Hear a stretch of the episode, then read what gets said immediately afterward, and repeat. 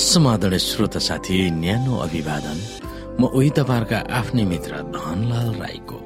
श्रोता आज म तपाईँको बीचमा बाइबल सन्देश लिएर आएको छु। आजको बाइबल सन्देशको शीर्षक रहेको छ एलिया हतार हतार र आवेगमा कारवाही गर्ने समस्या भएको परमेश्वरकै व्यक्ति।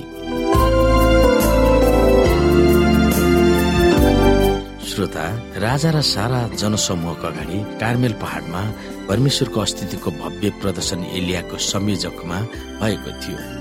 स्वर्गबाट नै सिधै आगो आएर बलि र वेदीलाई भस्म पारेको थियो। इसरायलीहरूलाई झुटमुठ मन्त्रतन्त्र मूर्ति पूजा गर्न लगाएर फसाउने झुटो पुजारी र भविष्य वक्ताहरू मारिएका थिए। सारा मानिसहरूको अगाडि हातले बनाएका र मानिसहरूले नै सृजिएका आविष्कार गरेका देवी देवताहरू अस्तित्वविहीन भएको तर सनातन सृष्टिकर्ता परमप्रभु परमेश्वरको अस्तित्वको पुष्टि भएको थियो। एक राजा अठार अध्याय। त्यस परिवेशमा एलिया त आत्मिक बलमा बलियो हुँदै गएका थिए भनेर तपाईँले सोच्नुहोला। तर अचानक उनले एउटा खबर पाए जसले उनको सातो पुतले उडाइदियो र भयभीत बनाएको थियो। त्यो खबरले उनी बाँच्न पनि चाहेन र मर्नको निम्ति पनि परमेश्वरसँग अनुरोध पनि गरे। प्रार्थना नै नगरी आफ्नो घरबाट सुइकुच्चा ठोकेर भागेर धेरै टाढा अनकन्टार पहाडको गुफामा चालिस दिन यात्रा गरेर लुक्ने पुगेका थिए। हामी हेरौँ यहाँनिर एक राजा उन्नाइस अध्यायको एकदेखि नौसम्म। अब एलियाले गरेका सबै काम र तिनले सबै अगमवक्ताहरूलाई तरबारले मारेको कुरो अब्राहमले इजबेललाई सुनाइदिए। यसकारण इजबेलले एलिया कहाँ यसो भनेर एउटा समाचार भाग पठाइन्। जसरी तैले उनीहरूको प्राण लिइस् त्यसरी नै भोलि यही बेलासम्म तेरो प्राण पनि मैले लिइन भने देवताहरूले मलाई त्यस्तै वा त्योभन्दा बढी व्यवहार गरून्। एलिया डराएर आफ्नो प्राणलाई बचाउनलाई भागे। जब तिनी यहुदाको बेरसेवेमा पुगे तब तिनले आफ्नो चाकरलाई त्यहीँ छोडे र आफू चाहिँ मरुभूमिमा एक दिनको बाटो गए। तिनी अमरिसको एउटा झाडीमा आइपुगे र त्यसमुनि बसेर आफ्नो मृत्युको निम्ति प्रार्थना गर्न लागे। तिनले भने परमप्रभु मेरो प्राण लिनुहोस्।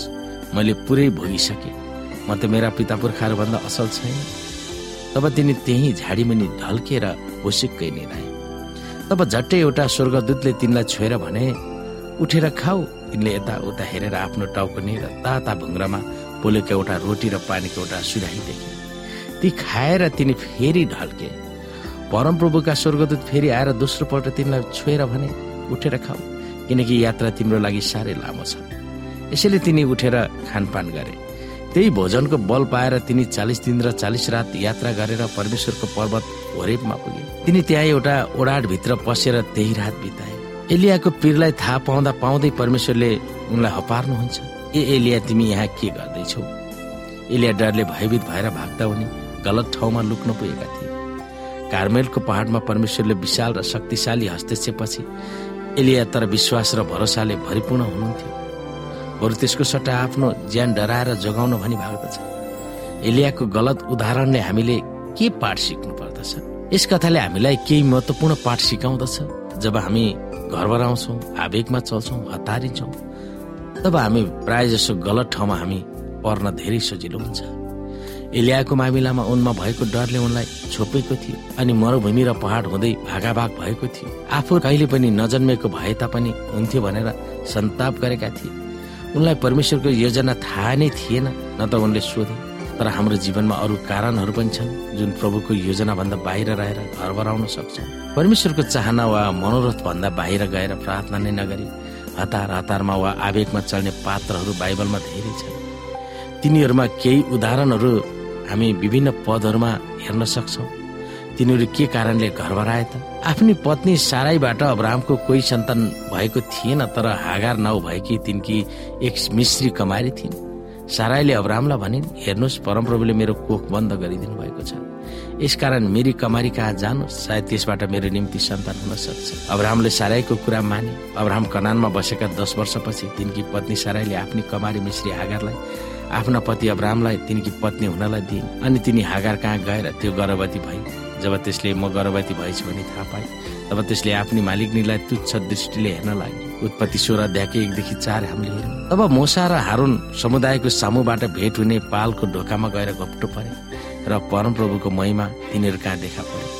परमप्रभुले मोसालाई भन्नुभयो यो लौरो लिएर तिमी र तिम्रो दाजु हारुन गएर समुदायलाई जम्मा गर। तिनीहरूका आँखाकै सामुन्ने यस चट्टानलाई हुकुम गर र चट्टानबाट पानी निस्कनेछ र तिमीले यस चट्टानबाट तिनीहरूका निम्ति पानी निकाल्नेछौ। यसरी तिमीले समुदाय र तिनका गाई वस्तुहरूलाई पानी दिनेछस्। तब परमप्रभुले आज्ञा गर्नु भए झै मोसा लौरो लिएर उहाँको सामुन्यबाट गए। अनि मोसा र हारुनले चट्टानको सामुन्य समुदायलाई जम्मा गरे। तब मोसाले तिनीहरूलाई भने सुन ए विद्रोही मानिस हो के यी चट्टानबाट हामी तिमीहरूका निम्ति पानी निकालिदियौँ? अनि मोसाले आफ्नो हात उठाएर दुईपल्ट आफ्नै लौरोले चट्टान हिर्कायो। तब त्यहाँबाट प्रशस्त पानी फुटेर निस्क्यो अनि समुदाय र तिनीहरूका गाई बस्तीले पिए। तर परमप्रभुले मोसा र हारुनलाई भन्नुभयो मलाई इजरायलीहरूका सामु पवित्र तुल्याउनलाई तिमीहरूले ममाथि विश्वास नगरेको हुनाले मैले तिनीहरूलाई दिने देशमा तिमीहरूले यस समुदायलाई पुर्याउन पाउने छैन। हामीले गन्ती विषय दिएको छदेखि बाह्र हेर सिमसोन तिम्नामा झरेर त्यहाँ तिनले एउटी बलिष्ठ स्त्रीलाई देखे। जब तिनी फर्केर आए तब तिनले आफ्ना बाह्र आमालाई भने मैले तिमीलामा एउटी बलिष्ठ स्त्री देखेको छु र मलाई तिनीसँग विवाह गरिदिनुहोस्। तिनका आमा बाबुले तिनलाई भने के हाम्रो आफ्नै कुटुम्बमा अथवा हाम्रै आफ्नो जातिमा कोही स्त्री छैन र?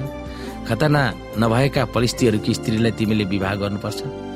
तर सिमसोनले आफ्ना बाबुलाई भने ती स्त्री नै मेरो निम्ति ल्याइदिनुहोस्। तिनी नै मेरो निम्ति ठिक छिन्। यहाँ हामी न्यायकर्ताको पुस्तकलाई हेर्न सक्छौँ। तब जब्दियाका छोराहरूकी आमाले आफ्ना छोराहरूलाई साथमा लिई उहाँको सामुन्य घोडा टेकी उहाँसँग बिन्ती गरिन्। उहाँले तिनलाई सोध्नुभयो तिमी के चाहन्छौ? उहाँलाई भनिन् आज्ञा गर्नुहोस् र तपाईँको राज्यमा मेरा दुई छोराहरूमध्ये एउटा तपाईँको दाहिने हातपट्टि र अर्को तपाईँको देब्रे हातपट्टि बस्न पाऊ। तर यसैले जवाफ दिनुभयो तिमीहरू के मागिरहेका छौ सो जान्दै। जुन कचौरा मैले पिउन लागेको छु के त्यो तिमीहरू पिउन सक्छौ? तिनीहरूले भने सक्छौ।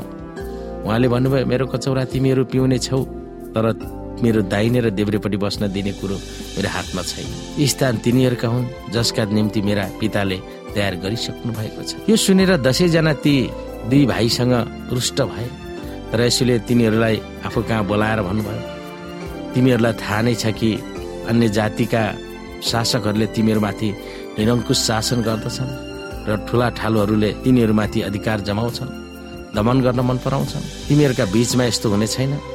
तर जो तिमीहरूमा ठुलो हुने इच्छा गर्दछ त्यो तिमीहरूको सेवक हुनु पर्दछ जो तिमीहरू मध्ये पहिलो हुने इच्छा गर्दछ त्यो तिमीहरूको कमारो हुनु पर्दछ जसरी मानिसको पुत्र पनि सेवा पाउनलाई होइन सेवा गर्न र धेरैको छुटकाराको मूल स्वरूप आफ्नो प्राण दिन आयो।